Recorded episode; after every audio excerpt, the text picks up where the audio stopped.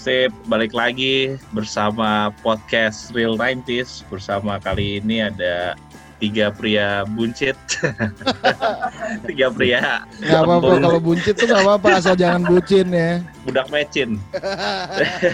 Bisa, bisa, bisa. Iya nih kali ini tiga pria buncit itu ada dua pria buncit di Tangsel, satu pria buncit di Bandung nih ceritanya. Waduh. By the way, buat yang di Iya. Bandung nih, enaknya dipanggil apa nih? Karena kita nih pria-pria buncit dikenal dengan banyak nama emang. Jadi kita perlu sepakati dulu nih tampaknya. Yang di Bandung bebas sih. Gue dipanggil Ibro boleh, dipanggil Hemi boleh. Oke. Seenaknya bapak-bapak sekalian aja. Oke. Kita panggil Ibro aja ya. Kalau untuk boleh. untuk teman yang di Bandung ini kan Hemi itu lebih ke panggilan orang keluarga. Tapi teman-teman memang manggilnya Ibro. Jadi benar itu emang Hemi itu panggilan kecil gitu buat buat Ibro apa sebuah nickname yang Ibro buat sendiri gitu. Nama dari dari gua kecil sih, dari gua kelu- dari keluarga, saudara-saudara gua manggil gua Hemi dan gua di waktu gua sekolah da- dari TK sampai SMP lah kira-kira sampai SMA pun eh, teman-teman gua manggilnya Hemi. Iya, jadi buat kolega-kolega 90s nih, jadi mungkin gue jelasin dulu kali ya podcast Real 90s nih introduksi sedikit juga. Eh, intinya sih upaya pria-pria di umur 30-an ini buat mengenang dan mengaktualisasi diri ceritanya. Setuju nggak? Iya. Seru lah, gue udah denger podcastnya, eh, podcastnya Rambo, podcastnya iya ini eh, yang sebelumnya gue udah denger seru banget. Begitu Bangke, Bang Rangga ini kontak gue mau eh, featuring di podcast berikutnya tertarik banget gue. Gitu. Iya. Jadi, Nah, jadi- si Bung Rangga nih sorry panggilannya Kid D. Untuk di Kid D. podcast 90s ini ceritanya gue pakai semacam alias hip hop gitu dikasih sama bapak. Kid D. Bapak satu lagi nih namanya ini bro, kalau di podcast 90s ini namanya Uncle Happy ceritanya. Uncle Happy. Oh itu di podcast yang lain sorry, Oke. sorry. Ini di Real 90s gue Rambo Sweaty Hands aja. Oke, Oh, Oke, Ya. oke, oke. Nah untuk obrolan kita hari ini, ini mungkin perlu diketahui juga Ibro nih salah satu teman pertama gue waktu gue kuliah dan seiring perjalanan gue berteman sama dia nih, dia emang banyak pengalaman bermusik, pernah bergabung di band dan Hmm. berapa aliran juga segala macam yang nanti kita akan korek juga ya. Tapi buat langsung aja nih, kan lu ada rencana Hmm. Dalam waktu dekat ada rencana mau kuliah musik nih bro di Bandung. Eh di Bandung di di Amsterdam. Iya, di di Tilburg lebih tepatnya di Belanda di Tilburg, Tilburg. Da- Yoi, gue berangkat insya Allah minggu depan tanggal berangkat 14 ya. ke tanggal 14 berangkat ke Tilburg. Tilburg itu Gitu. kalau kotanya tuh deket kota apa yang kota gede bro di sana bro atau emang dia Eh, sendiri? gitu? Tilburg tuh Tilburg tuh sebenarnya salah satu kota besarnya Belanda. Jadi Hmm. Belanda tuh oh, kalau dekat mana sih dekat Eindhoven, Oh dekat Eindhoven Eindhoven tuh-. PSV ah, Eindhoven ya. lebih selatan. Iya iya iya. Ah, Yoi. Klub bolanya PSV yang paling dekat kayaknya. PSV. Oke. Nah, bisa lu ceritain deh, Bro. Kenapa lu merasa perlu buat sampai kuliah musik nih? Gitu. Padahal lu juga ngulik musik nih mungkin udah dari zaman sekolah ya. Jadi gue backgroundnya kenapa gue pengen kuliah musik sih eh, sebenarnya gini, gue kan di sana gue ngambil Master of Music ya, jadi jenjangnya Hmm. eh, S2 di sana Master. Eh, kalau misalnya gue ngelihat perjalanan gue dari dulu sampai sekarang bermusik itu rasa-rasanya sih udah selevel sama mungkin udah bisa dibilang result yang di yang gue dapat dalam memproduksi musik itu udah bisa setara dengan lulusan S1 lah ibaratnya lulusan satu S1-nya eh, music production. Nah, sementara gue di sana juga eh, jurusannya music design. Eh, Hmm. Jadi music design tuh eh, apa ya? Kalau diceritain backgroundnya kenapa namanya music design tuh jadi kita intinya kita bikin musik tuh harus didesain ini musik untuk apa misalnya musik ini untuk musik untuk iklan kah atau musik untuk uh, perang kah atau musik untuk apa gitu. Nah, itu jadi lebih lebih lebih terfokus gitu di di Master of Music ini. Kayak hmm. song sama scoring tuh udah beda banget. Beda beda beda. Nah, tip song sama scoring sama sama jingle gitu misalnya jingle. beda jauh. Oh itu udah ada klasifikasinya sendiri jadi ya? Sampai audio logo pun itu ya, ya salah satu salah satu jenis apa uh, hasil produksi musik music production kan. Kayak audio logo lu kayak apa ya? Misalnya contohnya yang cuma 10 detik tuh yang uh, kalau Telkomsel tuh dana dana nah itu tuh bener-bener audio logo tuh ya Iya, itu namanya oh, audio logo. Oke. Okay. Dan itu ada ada harganya ya kalau misalnya lu jual gitu. ya iyalah ya. Justru dibuat karena memang iya, iya. Hmm. Ya itu sih biasanya ya permintaan apa ya permintaan uh, kalau kerjaan-kerjaan kayak gitu sih biasanya ya uh, kayak permintaan klien lagi ke production house ataupun agency yang menangani komersialnya mereka. Hmm. Cuman mungkin kenapa kalau uh, mungkin nanti gua nggak tahu nih mungkin nanti ada pertanyaan kenapa di Belanda atau di uh, kenapa nggak di Indonesia gitu. Karena mungkin kalau yang gue lihat ya dari segi kultur musiknya kalau di sana tuh banyak apa yang namanya skill apa pun uh, itu sangat dihargai sekali gitu. Kadang hmm. uh, apa sorry sorry gue ngelihat ini apa uh, keburukan masyarakat yang ada di masyarakat kita nih nyambungnya nih. Okay. Menurut gue kita kita kita masih banyak sifat feodalnya itu masih banyak di Indonesia kayak misalnya lu ngelihat uh, tukang las gitu ya hmm. terus kita anggap orang Indonesia anggapannya wah itu tukang gitu ya kan hmm. sementara kalau di sana yang namanya yang namanya orang ngelas tuh dia profesional ngelas gitu butuh sertifikasi hmm. dan segala macam hmm. dan lebih dihargai bukan sekedar tukang nah ini sama okay. halnya dengan scene music di perbedaannya hmm. antara di Indonesia sama di luar Nah itu yang karena gue lihat itu makanya ya terus ya kebetulan gue dapat beasiswa juga, gue apply beasiswa dapat, ya udah hajar lah gitu, apalagi alasannya gitu. Nah, lu kan secara kuliah nih atau background pendidikan resmi kan nggak ada background pendidikan musik ya. Dan mungkin Jadi, bisa lu ceritain juga nih gimana prosesnya sampai wah lu bisa dapat beasiswa kan beasiswa juga orang ngasih beasiswa kayaknya nggak sembarangan gitu ya.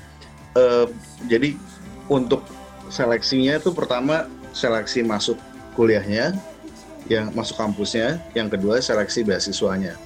Hmm. Nah itu gue sih karena gue tekad tekad banget gitu ya dulu. Uh, eh, gue sebenarnya kalau boleh cerita lebih jauh, sebenarnya tahun 2017 tuh gue udah pernah apply, apply okay. untuk beasiswa dan kampusnya. Terus di, mana tuh? Itu di Belanda juga sama. Oke. Okay apa uh, ya ini pertama kali uh, eh, gue apply itu tahun 2017 hmm. itu gue begitu gue di interview interviewnya by Skype gitu sama ada dua profesor dan dua supervisor itu gue hmm. ditolak mentah-mentah sih alasannya alasannya uh, ya itu gue apply untuk S2 ya waktu itu ya hmm. sama jenjangnya itu alasan mereka sih bahwa topik yang gue bawa itu uh, belum mencapai level S2 gitu. Oke. Okay. Topik yang gue bawa tuh mungkin kurang intriguing lah buat mereka ya. Oke. Okay. Buat S2. Nah, ya akhirnya gue uh, kebetulan tahun lalu gue sempet main ke sana sama istri, terus balik-balik ke, sini gue ke Belanda tahun lalu gue. Oh. Persis tahun lalu Agustus tahun lalu setelah gue balik dari sana gue jadi ini lagi jadi bertekad lagi. Ya, gue pengen banget gue ke sana gitu kalau bisa dapet S2 di tempat yang waktu dulu gue incer karena dia juga menyediakan beasiswanya gitu ya. Jadi gue niatin bener-bener. Gue hmm. bikin video video profile gue bikin video proposal. Proposalnya gue ketiknya juga udah ya maksimal lumayan ya, berhak ya maksimal banget gitu. Uh -huh ya udah akhirnya di interview interview uh, alhamdulillah sekolahnya masuk. Terus uh, kemudian di interview untuk beasiswa alhamdulillah dapat nah itu juga baru sekitar dua dua tiga bulan dua, dua dua bulan lalu lah. Lagi apa corona lagi melejit melejitnya banget kan gue udah pasrah aja ya udahlah. Tahunya begitu keluar hasilnya ada nama gue ya udah. Gue sih gue bersyukur banget sih. Ya akhirnya gue gue beraniin aja ya udah ambil lah kapan lagi ada kesempatan.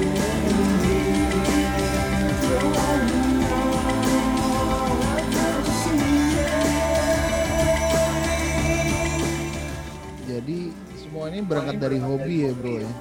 Sebenarnya lo hobi musik sininya kan? Uh, eh, gue dari kecil banget bokap gue yang pertama ngajarin musik almarhum itu benar-benar uh, dari dulu tuh nge, nge apa nyekokin gue lagu-lagu lah mulai dari Beatles, Queen, Led Zeppelin segala macem dicekokin ke gue dari kecil. Nah ya gue dari situ dari kecil juga gue uh, main instrumen dan gue sebenarnya basicnya programmer ya Mak uh, maksudnya lebih ke belakang layar lah produksi ke orang produksi gue programming tuh pertama kali itu kayaknya kelas 6 SD gue oh, iya? yeah, kelas 6 SD gue gue pertama tahu yang namanya Fruity Loop 1 gitu. Terus gue install di komputer terus gue di situ gue bener-bener kayak jadi kayak main game banget gitu. Gue seneng banget.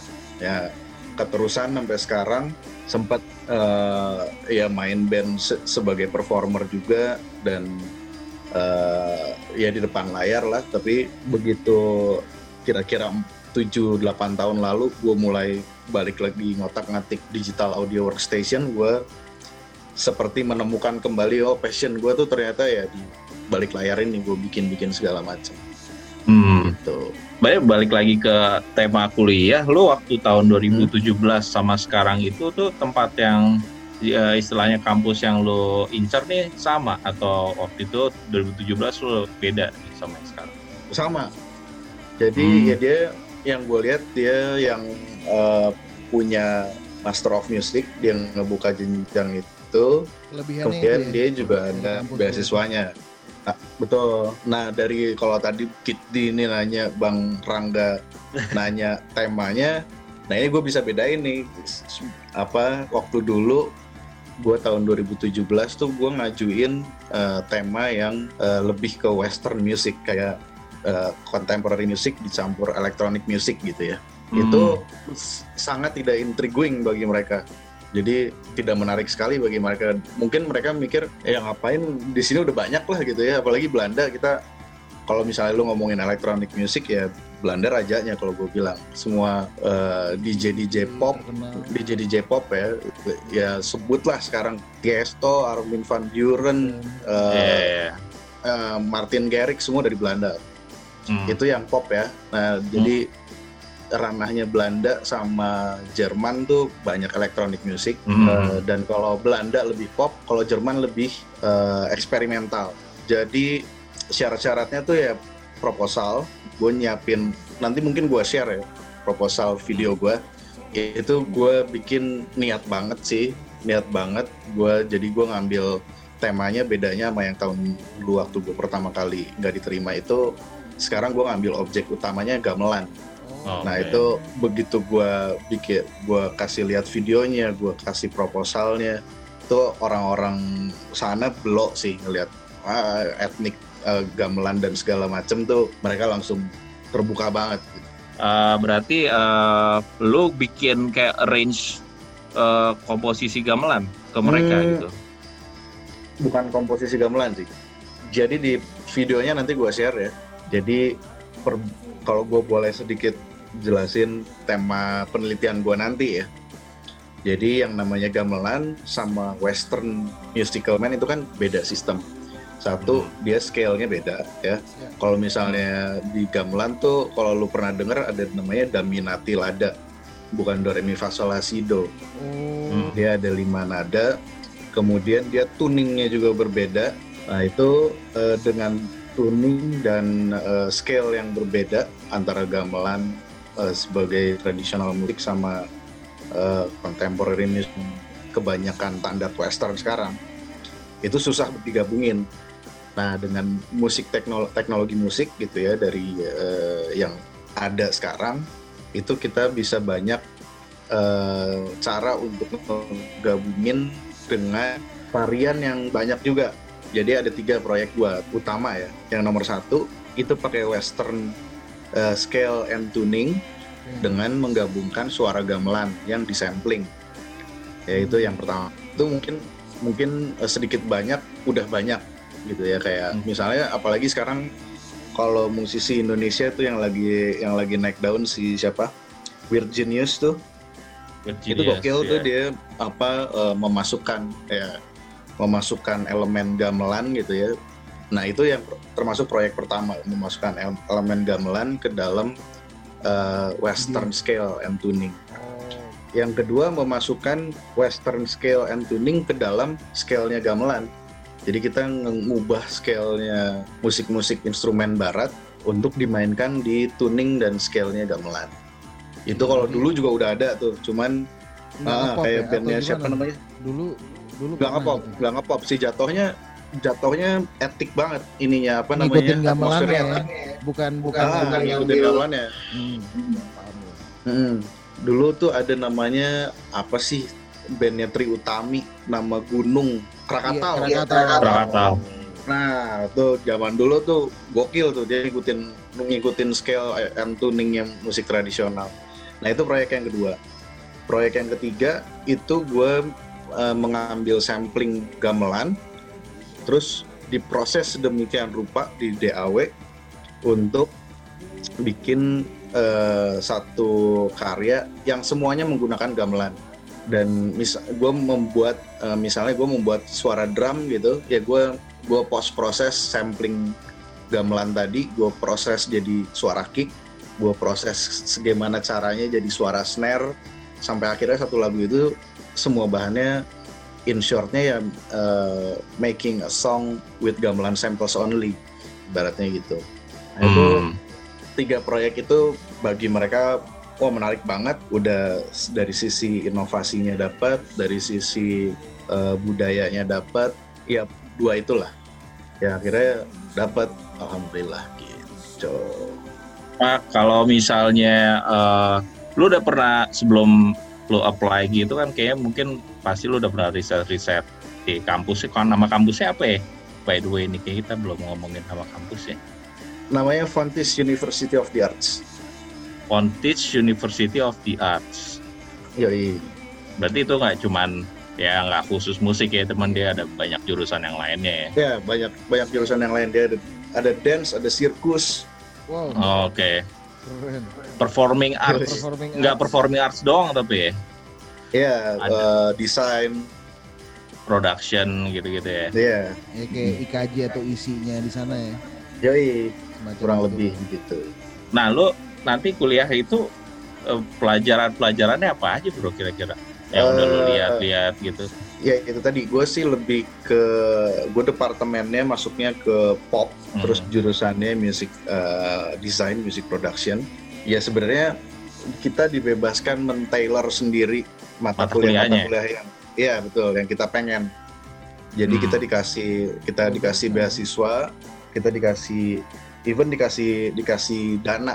Jadi kalau misalnya lu mau ngambil ada lu tahu soal satu DJ misalnya di sana yang mau yang mau ngajarin gitu untuk tapi dia di luar dari universitas itu lu bisa ambil dan bisa hmm. dikonvert jadi SKS. Nah itu disediain dananya kalau misalnya menurut mereka itu sesuai sudah sesuai standarnya. Nah jadi lebih ke personalized uh, yang mau kita ambil sih.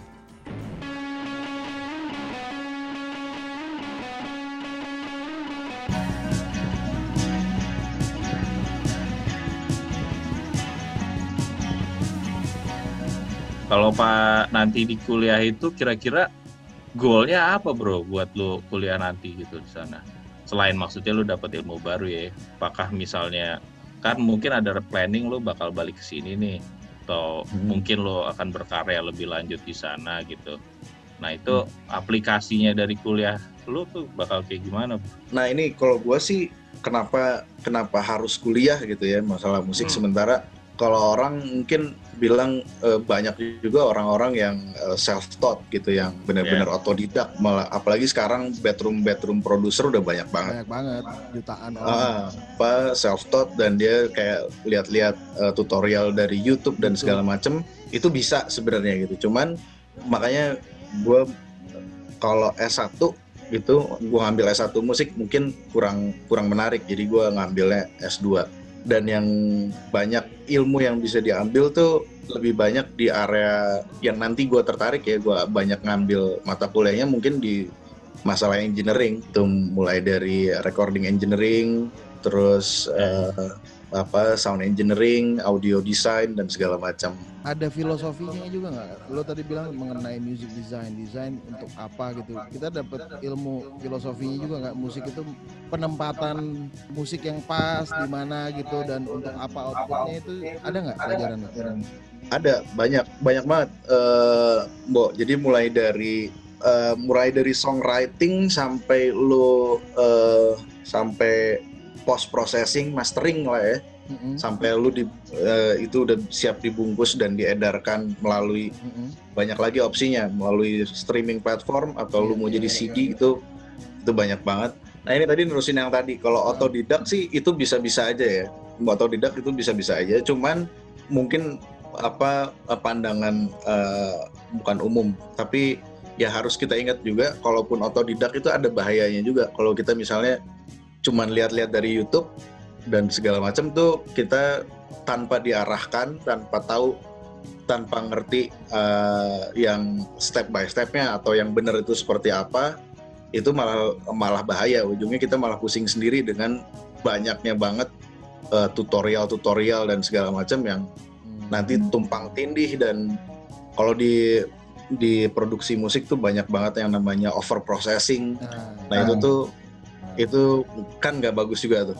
Nah jadi kalau uh, bagusnya kuliah ya, apalagi gue yang belum pernah punya pengalaman kuliah musik ya gue bakal bisa tahu apa yang yang benar, yang uh, step by stepnya seperti apa kayak gitu. Lu ngeles, ngeles dulu, ngeles, ngeles ya?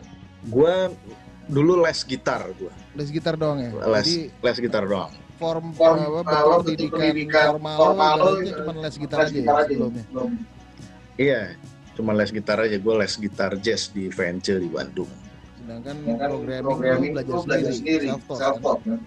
Self-taught juga belajar. Nah, cuman gue gua sendiri pun gue ngerasa wah ini bahaya nih. Nih si si A yang gue nonton di YouTube dia ngomong begini, terus si gue denger lagi yang lain ngomongnya lain lagi dan segala macam dan tools tools yang dia pakai juga beda-beda akhirnya gue pakai semua toolsnya malah jadi hancur gitu. Iya kan? Iya. Yeah, yeah. gue misalnya itu itu bahaya juga menurut gue kalau misalnya kita uh, eh, self taught tapi ekspektasi kita uh, menghasilkan karya yang yang profesional. Maksudnya uh, iya di level profesional lah ya kualitasnya. Itu lebih ke masalah audio dan segala macam tuh uh, kalau menurut gua kalau bedroom producer itu uh, mungkin bisa tapi akan sangat sulit sekali tanpa arahan. Oke. Okay. By the way, lo kuliah musik gini ada yang ini nggak kayak ya pastilah ya mungkin ada uh, orang-orang yang ah, ngapain sih lo kuliah musik lagi gitu atau ngapain lo ngambil kuliah musik nah lo uh, hmm. counternya gimana tuh kan kadang-kadang uh, tuh malah dari orang-orang terdekat ya temen keluarga gitu iya ya ya pasti sih kayak maksudnya ngapain juga lu kan tidak menjamin tidak menjamin kesuksesan lu juga di musik betul juga iya. tidak sangat tidak menjamin mau S1 mau S2 mau nggak sekolah tidak menjamin kalau masalah di musik gitu ya cuman ya balik lagi gue Uh, sebenarnya gue punya cita-cita satu satu cita-cita yaitu jadi jadi dosen musik. Nah itu jadi hmm. Eh, sebenarnya ngambil S2 musik ini sangat berpengaruh kalau gue mau ngejar cita-cita itu ya. Oh iya. Cuman kalau yeah, yeah, misalnya yeah. orang nanya lu untuk sukses di musik kan nggak mesti kuliah. Memang betul kalau uh, lu mau jadi pop star ibaratnya ya itu nggak hmm. penting untuk kuliah musik. Cuman kenapa gue tertarik musik jadi karir juga karena gue ngelihat ya musik itu nggak ada pensiunnya orang kerja di musik ya berkarya hmm. terus banyak orang di musik yang gue lihat terutama yang di belakang layar ya yang di arah yang pathnya gue ibaratnya itu ya makin tua makin jadi gitu itu yang yang Hmm. jadi yang yang gue incer ya di jangka panjang yang sebenarnya orang banyak nggak ngelihat sih karena kita banyak ngelihatnya yang yang Oke. manggungnya Ya. atau yang apanya ya Oh, kan iya, iya. Berarti tapi kayak paling nggak keluarga udah paham lah ya eh, sama passion lu ini juga gitu. Paham lah alhamdulillah alhamdulillah keluarga semua dukung sih ya karena ya Oke. gue dari dulu gue cita-cita dan gue selalu cerita gitu gue eh, dulu pernah ditolak dan bikin penasaran banget gitu ya karena Mhm. eh, yang gue sadarin sih emang ternyata eh, apa ekspektasi mereka untuk menerima murid tuh emang gila juga gitu ya Hmm. Eh, gue di interview gue sama profesornya dua orang langsung dan interviewnya tuh macem-macem ya kayak dia ngetes telinga gue juga pakai bawa garpu tala Hmm. jadi standarnya apa eh gue nggak main-main lah ya. nggak main-main ya makanya gue juga ya eh, harus menyiapkan diri gue juga gitu nggak ya nggak main-main lah Lo ibarat. interview langsung di Belanda atau di lewat Skype Bo lewat Skype ya? Wow. lewat Skype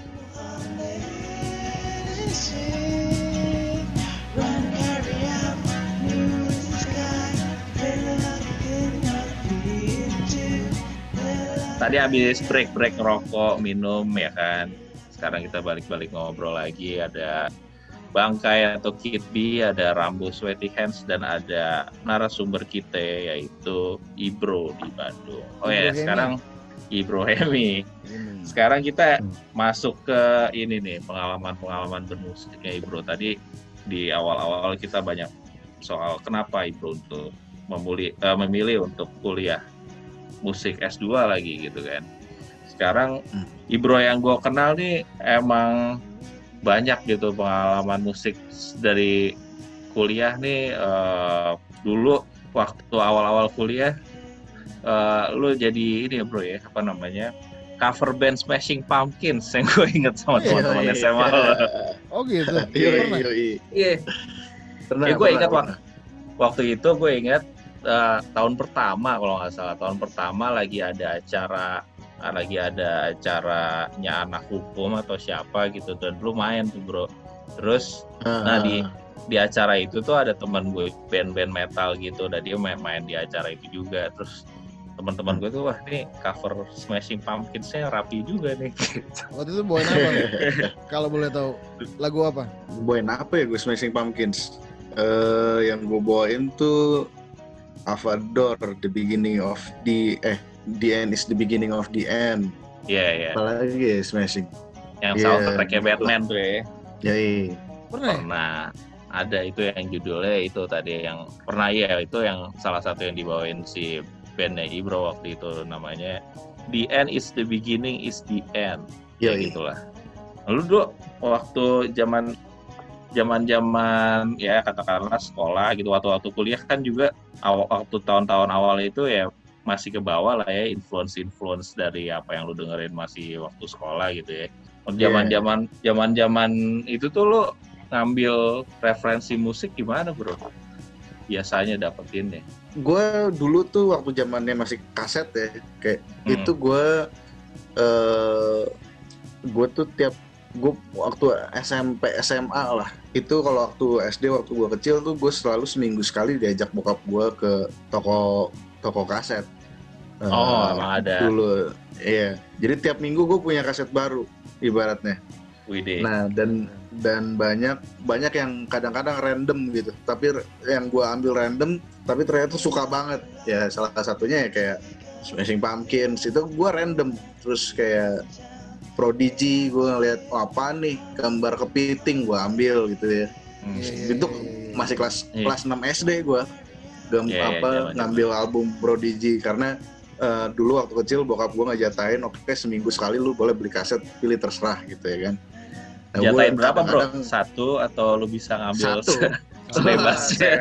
kagak satu seminggu satu gitu Iya, iya. kadang kadang-kadang seminggu satu kadang-kadang ya dua minggu sekali seka- satu ya Tapi udah kan sampai kita nih Hmm? kita nih generasi yang ngalamin masa men- menikmati musik nih secara analog lah ya maksudnya kita Hmm. ngalamin era kaset era CD gitu dan kita pasti ngalamin yang namanya eh, kita tuh bingung gitu maksudnya bukan bingung sih cuman yang gue pengen tahu dari lo juga nih Hmm. lu misalnya sel- selain secara random nih lu ada Hmm. misalnya dikenalin musik sama inilah dikenalin musik sama itulah Oh. akhirnya Hmm, banyaknya abang gua sama kakak sepupu gua juga itu berpengaruh sih hmm, Eh, musik yang dia yang mereka dengerin jadi ada Macam apa, bro? eh, kalau kalau dari kakak gua dulu gue sempet seneng banget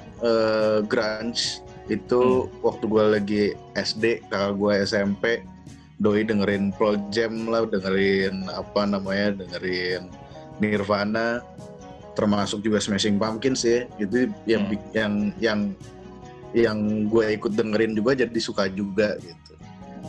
Dan kakak sepupu gue ada ya, anak Jakarta dulu yang gue dulu sering bolak-balik Jakarta Bandung ke tempatnya kakak sepupu gue ini dia juga dia tuh dulu backing vokalnya Dewa 19 oh gitu jadi yoi Hmm. nah dia banyak banyak ini juga banyak minjemin kaset ke gua minjemin kaset ke kakak gua akhirnya kita dengerin waktu itu gue inget banget gue minjem Mr. Big tuh ke kakak sepupu gua tuh gue Hmm. jadi jadi suka banget sama Mr. Big gara-gara di situ emang emang cukup lazim ya mungkin buat generasi yang seumuran sama kita tuh eh, yang didengerin oleh orang-orang terdekat kita tuh akhirnya kita jadi dengerin juga gitu ya. Tapi, yoi tapi kalau yang lu cari sendiri nih, lu nyarinya di kayak misalnya lu karena mungkin waktu itu belum era internet lu misalnya baca apa atau apa dari mana gitu. Nah itu juga sih lumayan sih. Gue dulu kan les gitar nih. Jadi dulu ada Hmm. namanya majalah apa ya? Yang chord-chord gitar gitu cuy.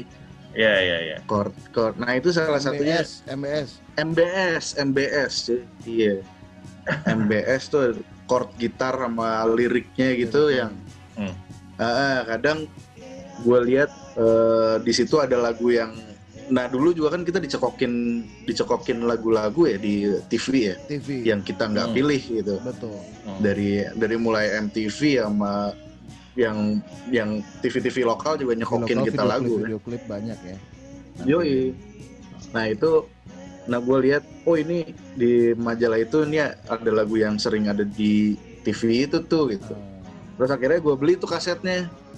Hmm. Ternyata lagu-lagu yang lainnya asik. Zong. Gitu. Oh, gak zong. Nah, ya? mungkin ada yang zong, ada yang asik. Iya, iya, iya.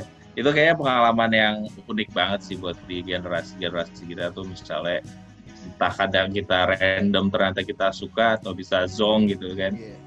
Hmm. Tapi kalau misalnya lo lo dulu awal-awal ngeband tuh sama keluarga apa sama teman-teman gitu bro? Ini kita berbicara lo sebagai performer nih pengalaman performing lo gitu cerita. Em, jadi balik lagi ke almarhum bokap ya banyak banget dia apa namanya menginfluence gue jadi dulu dia punya punya apa namanya punya mimpi gitu punya pengen lah gitu anaknya ngeband bareng semua gitu Oh, jadi gitu? sama ya sama sepupu sepupu gue juga itu termasuk sepupu gue si Adam yang main bass di Sheldon Seven tuh sepupu gue tuh Oh iya. Nah iya. itu, nah jadi si Adam main bass, abang gue main gitar, kakak gue yang cewek main piano, eh gue main drumnya, tapi ujungnya gue juga jadi main gitar gara-gara ngeliat abang gue gitu ya.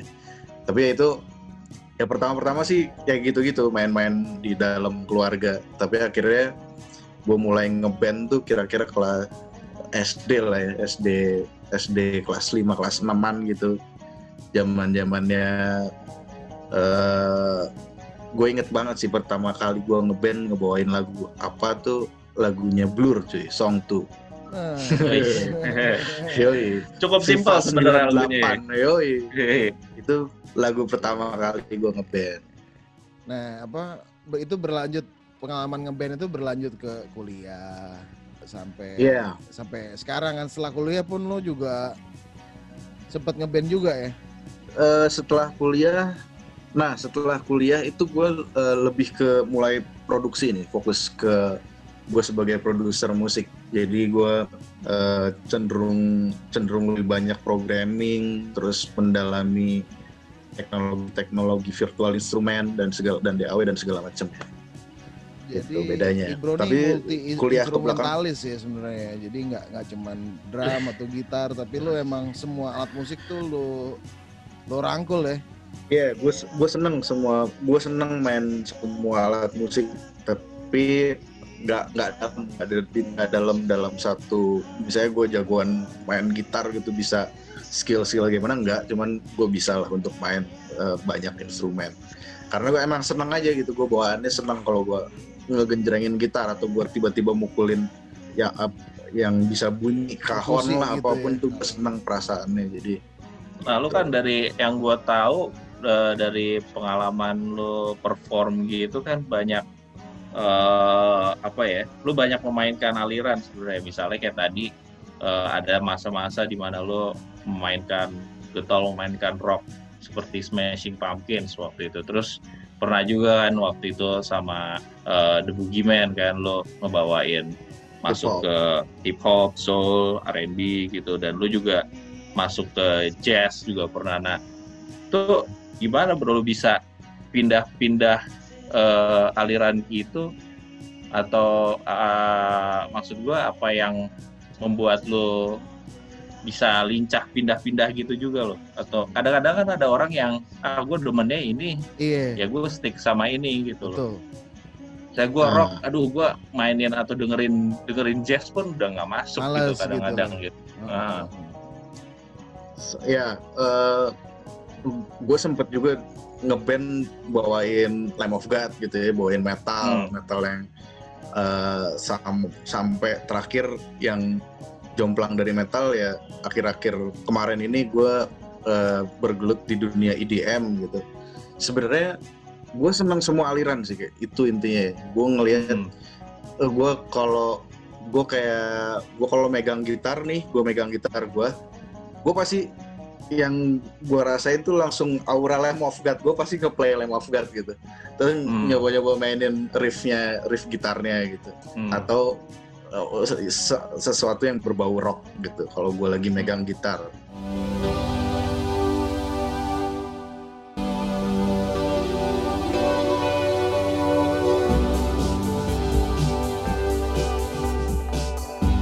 kalau megang gitar okay. lu Lamb of God oh iya yeah. iya yeah, gue perasaan gue kalau gue megang gitar tuh uh, gue selalu teringat-ingat uh, eh, gue bawain Lamb of God dulu gitu dan rock smashing pumpkin, pumpkins dan segala macam jadi itu gue play gitu ya terus uh, ketika gue lagi mau bikin lagu di samping yang pertama gue pencet adalah piano tuh gue jadi ke bawahnya arah-arahnya kayak ke soul, R&B atau misalnya gue lagi mau bikin lagu nih yang pertama kali gue lakuin adalah ngegambar drum tuh biasanya jadinya hip hop gitu hmm. tapi intinya gue senang sama semua aliran gitu nggak nggak apa ya gue di setiap aliran gue ngelihat di setiap genre musik gue ngelihat dapat sesuatu yang uh, sesuatu yang bagusnya tuh apa sih gitu dari dari itu ya kalau misalnya kita uh, ngobrol soal ini bro bermusik katakanlah di konteks di Indonesia gitu kan ya banyak hmm. banyak mungkin juga yang kayak lu bilang tadi orang tuh belum banyak yang tahu sebenarnya musik tuh mencakup industri musik tuh ada apa aja sih yang orang lihat kan biasanya performernya doang gitu ya dan hmm. suka muncul anggapan bahwa ya musik tuh lu nggak bisa hidup sih dari musik gitu nah pendapat lu nih hmm. sebagai yang lu udah pernah uh, apa namanya berkecimpung sebagai performer maupun sekarang yang lebih fokus di belakang layar pendapat lu gimana tentang ini tentang uh, apa namanya stigma kayak gitulah gitu musik hmm. tuh nggak inilah gitu nggak worth it gitu. nggak worth it gitu ya untuk nah. dijalanin uh, uh, sebenarnya kalau yang udah gua jalanin ini, ya di Indonesia ya dengan hmm. Dengan sudut pandang masyarakatnya yang masih banyak begitu gitu ya. Uh, worth it atau enggak sih sebenarnya ngejar karir di musik tuh susah-susah gampang ya. Tergantung lu mau mau eh, ekspektasi lu sebagai apa gitu. Kalau ekspektasinya lu menjadi eh, maksud gue ekspektasi lu itu tidak sesuai dengan yang lu kejar yang lu usahakan ya ya bakal miris terus gitu ya misalnya gue pengen jadi gue pengen jadi pengen jadi vokalis Hmm. vokalis gitu Iya. di band apa gitu. Hmm. Nah itu kadang-kadang ekspektasi itu yang bikin yang bikin apa ya, yang bikin down sendiri. Lu jadi ngebanding-bandingin, lu jadi eh, akhirnya sih kalau gua rasa akhirnya sih kayak nggak nyampe-nyampe ke situ gitu.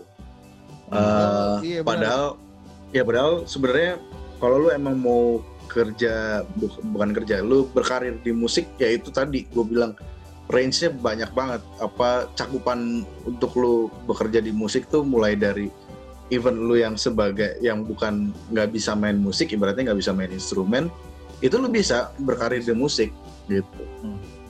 Sebagai apa dulu gitu ekspektasi lu sebagai apa dulu itu juga nyangkut dengan misalnya eh, stigma orang-orang tua misalnya ya lu Hmm. lu eh, main musik mau jadi apa lu mau ngasih makan apa lu gitu Iya. Hmm. ya kan misalnya Stigma mau, mau klasik ngasih Indonesia mau tuh. ngasih mau yoi, stigma klasik Indonesia nah itu karena stigma yang di pemikiran mungkin ya di pemikirannya orang tua itu ada lu jadi performer musisi yang performer betul cuman performer yang iya padahal kalau misalnya lu misalnya mau cari duit dari musik menurut survei ya paling tinggi misalnya di Europe itu paling tinggi bayarannya adalah bayaran mastering engineer Hmm. nah bukan bukan si performernya Hmm. performernya oke Hmm. mungkin dari dia, dari touring dia dapat duit eh, dari tiket gitu ya itu belum dipotong manajemen dipotong buat Hmm. segala macem lah Hmm. ujung-ujungnya ya segitu jadi makanya kebanyakan orang nggak tahu eh, nggak tahu banyak tentang eh, dunia karir di musik tapi sudah ada stigma itu gitu ya Iya. Industrinya sebenarnya tuh sangat besar gitu kan. Industri musik tuh nggak cuman lu jadi mentok dari jadi performer doang, tapi banyak banget karir eh, kesempatan karir dari musik gitu kan. ya even eh, orang yang tidak yang yang tadi gue bilang nggak nggak bisa nggak bisa main instrumen musik tapi dia jadi jurnalis khusus musik itu gokil bayarannya men di luar Hmm. gitu. Jadi ya udah pasti lu bisa bisa hidup dengan apa ya financial freedom gua rasa kalau misalnya lu udah udah di level itu. Lu tahu apa yang mau lu tuju, eh, lu siap sama resikonya. Ibaratnya kalau lu oke gua gue pengen dap, gue pengen berkarir di musik bisa dapat duit yang banyak, lu mesti menurunkan ekspektasi lu untuk nggak jadi jangan jadi rockstar kalau gitu. Lu nggak lu nggak akan bisa terkenal di depan panggung ibaratnya lu bisa terima itu nggak Nah, Gimana? tapi kan buat orang-orang yang bisa bermain musik, kayaknya, ya ini asumsi gue ya, kayaknya kan pasti ada mimpi terpendam bahwa wah satu saat gue punya eh, katarsis di atas panggung gitu kan. Tapi mungkin secara sebagai performer ya mungkin kita tahu sendiri juga mungkin bahkan mungkin dari karya-karya yang misalnya lu berkarya lu ngas menghasilkan lagu terus bahkan dengan adanya Spotify segala macem di musik yang udah digital sekarang kayak gini juga bayarannya kan nggak seberapa lah ya dari karya lo gitu ya. Apakah ini yang membuat lo juga apa namanya eh, akhirnya shift gitu antara mimpi atau lo mer- meredam impian lo sebagai performer dan ya udah gue fokus eh, ke ini juga gitu ke musik production karena memang di sini lebih ada lebih safe gitu dari segi finansial mungkin gitu. Hmm, eh, sedikit sih. Itu ada ya apa eh, apa dari aspek itunya ada tapi itu gua rasa lebih dari sekedar rasa ungkapan bersyukur aja ya. Untung untung gua di belakang layar gitu loh. Tapi yang lebih besarnya adalah aspek kalau gue sih ngerasa eh, karena gue tadi pernah cerita gue dari kecil pernah nyobain yang namanya FL Studio 1 gue waktu SD dan gue Hmm. rasanya kayak main game wah sampai ketagihan banget dan sampai sekarang ketika gue Hmm. beres kuliah gue main lagi yang namanya DAW itu gue menemukan menemukan banget oh, passion gue ternyata ya apa produce gitu bukan bukan Oke. perform nah jadi aspek yang tadi yang lu bilang itu eh, itu sebagai rasa syukur gue aja ya untung gue passionnya gue di kayak lu tadi bilang pengen manggung mungkin gue bisa bilang sekarang kayaknya enggak sih kalau gue kalau manggung justru enggak sekarang Hmm. gitu karena karena gue sudah kayaknya menemukan nih oh gue passion gue gue seneng banget di di belakang layar